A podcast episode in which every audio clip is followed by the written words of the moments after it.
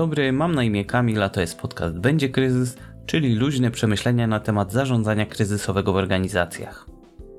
W dzisiejszym odcinku kontynuuję temat zarządzania projektami i chciałbym poruszyć e, temat, który zawsze mnie dziwił, czyli ukryte problemy w projektach. Zaraz rozwinę o co chodzi. Dzisiejszy odcinek będzie raczej krótki, e, ze względu na to, że materia w sumie nie jest skomplikowana. Wiele razy zdarzało mi się być w sytuacji i nie zdziwiłbym się, gdyby wam też, że na problemie były projekty, wszyscy mieli ich świadomość, ale nikt o nich nie mówił, przynajmniej oficjalnie na spotkaniach oficjalnych. I zawsze się zastanawiam, jak to jest, że na spotkaniach statusowych wszystkie wskaźniki pokazywane są jako zielone, podczas gdy wszyscy przy stole na spotkaniu wiedzą, że w projekcie są problemy, że pewne cele projektu są zagrożone czy mogą być zagrożone. Wiele osób, PM-ów, uczestników projektów ma taką tendencję do prezentowania rzeczy w dobrym świetle, nawet gdy w tle widać, że wszystko w cudzysłowie mówiąc płonie. Chowa się te rzeczy myśląc, że no, jak nikt nie będzie patrzył, to ja jestem w stanie to naprawić, nadgonić terminy, dostarczyć to, co ma być dostarczone, może z jakimś tam opóźnieniem, ale, ale jestem w stanie to dowieść. I no to jest zawsze bardzo zastanawiające, skąd się bierze mm, takie podejście. E, no bo gdyby podzielić się problemem, no to można by się pochylić nad rozwiązaniem. No i jedną z hipotez, które można postawić co do źródła tego typu zachowań, e, jest to, że każdy ma coś, o czym wolałby nie mówić, czy wolałaby nie mówić. Mm, I no, można zobaczyć takie osoby, łatwo je zidentyfikować, e, bo zazwyczaj takie osoby siedzą na spotkaniach jak na szpilkach, patrzą nerwowo na zegarki i wypatrują końca spotkania.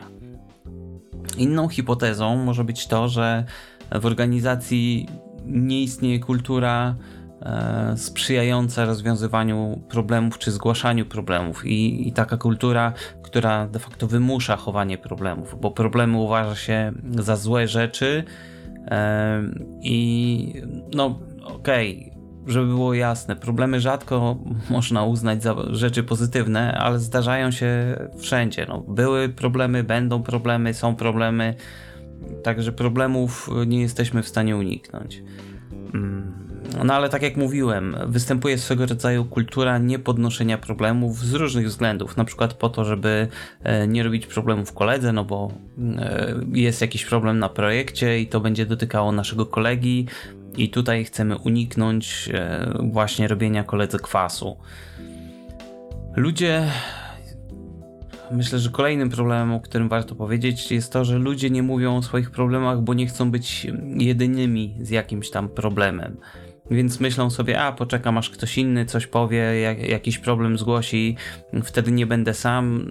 No i powstaje taki zaklęty cykl. I skutek jest taki, że e, problem czy problemy nie zostają zgłoszone, no i nie można ich rozwiązać wcześniej, kiedy jeszcze są małe. I, I tutaj możemy płynnie przejść do tego, że czasami nie zgłaszamy problemów, bo z jednej strony nie chcemy być sami, a z drugiej strony boimy się reakcji kierownictwa. I e, znam przypadek e, takiego menedżera, który w organizacji wzbudzał e, strach, to słabo powiedziane. Tam no, była panika, e, szczególnie u bezpośrednich podwładnych e, tego menedżera no i to skutkowało tym, że nikt nie chciał mu się przyznać do tego, że ma problem, bo zaraz byłby krzyk, zaraz byłoby wyzywanie. I mimo, że nawet HR wiedziały o tym, jaki ten człowiek jest i, i jak on reaguje, no nikt nic z tym nie robił. I e, ludzie byli de facto steroryzowani Większość chodziła wokół tego menedżera na, na palcach i mało kto chciał się, kolokwialnie mówiąc, wystawić na strzał. I no. Był to po prostu trudny człowiek we współpracy, bardzo. I, i no, co zrobić? W sumie w sumie dziwię się ludziom, że, że bali się mówić o problemach, no bo problem wcześniej zidentyfikowany byłby łatwiejszy do rozwiązania, no ale strach e, powoduje, że nie działamy do końca racjonalnie. No i e, wszystkie te e, opisane sytuacje, czy wszystkie te hipotezy, skąd takie problemy, znaczy takie chowanie problemów się bierze, mm, prowadzą do, do jednej sytuacji. No, nie mówi się o problemach i no, a propos właśnie jeszcze mówienia o problemach, spotkałem się z sytuacją, gdzie w projekcie, który miał poważne problemy, e, o których nikt nie mówił, e, lista ryzyk e, była pusta i tych ryzyk dookoła faktycznie była cała masa, a nikt o nich nie chciał mówić, no bo to by źle wyglądało, no i można było uznać, że problem jest problematyczny, że projekt jest problematyczny i no właśnie, i co? Wynika z tego wszystkiego to, że, że niby problemów nie ma, a są i nikt przez to nic z nimi nie robi, no bo skoro problemów nie ma, to nie ma nad czym pracować. A dlaczego to takie ważne, żeby mówić o problemach? No choćby z tego powodu, że szybko zauważony problem zazwyczaj dużo łatwiej jest rozwiązać. I czasami jest tak, czy bardzo często jest tak, że problem rośnie wraz z upływem czasu i może dojść do sytuacji, że problem będzie nierozwiązywalny. Poza tym, y, to też trzeba mieć świadomość, że rzadko takie ukryte problemy zostają ukryte na zawsze. Prędzej czy później jest jasne, że jest problem, sam nie zniknie, tylko straciliśmy czas na, na taką zabawę z ukrywaniem. No i no właśnie, to co z tym zrobić? Warto pochylić się nad przyczyną, mm, dla której jest, e, jest jak jest. Tak? I czasem fundamentalnym problemem jest wspomniana już kultura organizacji, e, ale najczęstszą przyczyną z mojego doświadczenia jest e, strach.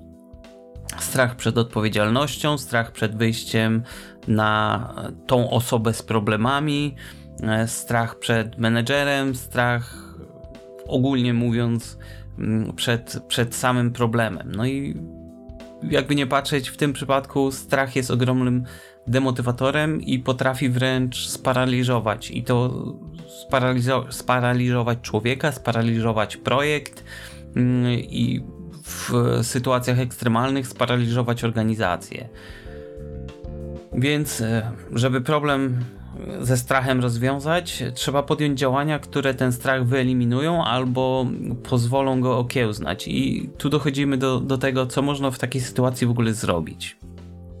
Generalnie można by zacząć w tej chwili rozprawiać o zmianie kultury organizacji, co w efekcie doprowadziłoby do zachęcenia ludzi i do braku strachu, do wzmocnienia postawy takiej proaktywnej. E, i pewnie można by było na ten temat napisać książkę, tylko prawda jest taka, że zmiana kultury, choć jak najbardziej pożądana, to jest bardzo długotrwały proces. A w przypadku projektów, które toczą się tu i teraz, ten problem będzie cały czas obecny i projekt może się skończyć, zanim mm, odpowiednie zmiany w kulturze organizacji zostaną wdrożone. Więc w przypadku um, projektów, w których wykorzystuje się metodyki zwinne, no to problem e, jest łatwiejszy do rozwiązania z tego względu, że e, no są te codzienne stand-upy i na takim stand-upie zgodnie z teorią e, każdy powinien mówić o trzech rzeczach, czyli no, po pierwsze, co zrobił wczoraj, mm, znaczy jakie działania podjął wczoraj, żeby, żeby projekt odniósł sukces, jego zadania się udały. Co zrobić dzisiaj w tym samym temacie. I trzeci punkt to jakie ma problemy z wykonywaniem swoich zadań. No i e, to podejście w metodykach zwinnych e, zachęca do tego, żeby dzielić się problemami. To jest takie narzędzie do zarządzania tymi problemami i poprzez wykorzystanie tych metodyk zwinnych e, ta kultura rozwiązywania problemów buduje się de facto sama. Mamy ciągły nadzór nad tym, co się dzieje. Faktem jest, że w metodykach zwinnych rola PMA jest inna. No, na przykład w Scrumie de facto Project Managera nie ma. Jest Scrum Master, jest Product Owner. E, I, i ale bardzo często jest tak, że te metodyki są um, nazwijmy to lekko hybrydo, hybrydowe i de facto ta, ta rola project managera też występuje. No i można ją wykorzystać wtedy do tego, żeby project managera pozycjonować jako tego czy tą, e, które rozwiązuje problemy, jako osobę rozwiązującą problemy. Z kolei w metodykach kaskadowych jest już trudniej i z mojego doświadczenia wynika, że najlepszym co można zrobić, jeśli chodzi o zarządzanie projektem z metodyką kaskadową, e, to mieć dobry harmonogram. I chodzi o to, żeby harmonogram był w miarę szczegółowy i żeby śledzić postępy, na bieżąco wykorzystywać ten harmonogram, żeby to był żyjący dokument, mm, który na co dzień jest wykorzystywany, ale tak na serio wykorzystywany do tego, żeby śledzić postępy. E, na każdym spotkaniu statusowym powinno się przechodzić przez ten harmonogram, zadanie po zadaniu. Oczywiście zadanie po zadaniu z tych, co się toczą obecnie i mają się zacząć w najbliższych powiedzmy dwóch tygodniach, żeby przechodzić przez ten harmonogram i zwracać uwagę e, na zadania, szczególnie na zależności między zadaniami, bo dzięki temu każdy będzie musiał, wiedząc, e, że, że nadchodzi kolejne zadanie, od którego mm, znaczy, które zależy od zadania, które, za które my jesteśmy odpowiedzialni, e, widzi, że tak naprawdę nie bardzo jest opcja na to, żeby przedłużać swoje zadanie. Nie bardzo jest opcja jak gdyby do mówienia, że okej, okay, u mnie wszystko jest okej, okay, okej, okay, i tam to zadanie będzie mogło wystartować. No bo czym innym jest mówienie, że nie ma problemów, a czym innym takie kłamanie wprost, że zadanie idzie zgodnie z planem, e, kiedy nie idzie zgodnie z planem i kiedy zaraz dojdziemy do punktu, gdzie zaczyna się kolejne zadanie w harmonogramie, ale de facto zacząć się nie może, no bo zadanie no, poprzednie nie jest dowiezione. Także e, pilnowanie poszczególnych zadań, szczególnie właśnie, tak jak mówię, zależności, bardzo szybko obnaży problemy i ludzie mają bardzo szybko świadomość tego, że e, od samego początku projektu, jeżeli tak, tak się przechodzi przez ten harmonogram, mają świadomość, e, że nie ma co ściemniać, trzeba mówić jak jest. I no jest Oczywiście tu jest rola project managera, żeby zbudować odpowiednią atmosferę, to znaczy, żeby powiedzieć wprost, że to, że ktoś ma jakiś problem, nie oznacza, że nie wiem, jest gorszy, czy słabszy, czy głupszy. Problemy się zdarzają i, i rolą project managera jest zapewnienie ludzi, że nie będzie z takich problemów wyciąganych konsekwencji, nie będzie generowania problemów z tych problemów, tak to nazwijmy. Także jest duża szansa przy wykorzystaniu takiego podejścia, że te potencjalne problemy będą zgłaszane zawczasu, a to się przełoży na e, lepszą realizację projektu, a z drugiej strony taka proaktywność w zgłaszaniu problemów przełoży się na lepsze zarządzanie ryzykiem w projekcie. Mm, no ale zarządzanie ryzykiem to zostawię już na inny odcinek i może w tym miejscu e, postawię kropkę. Tak jak powiedziałem, dzisiejszy odcinek jest króciutki. E, dziękuję serdecznie za uwagę.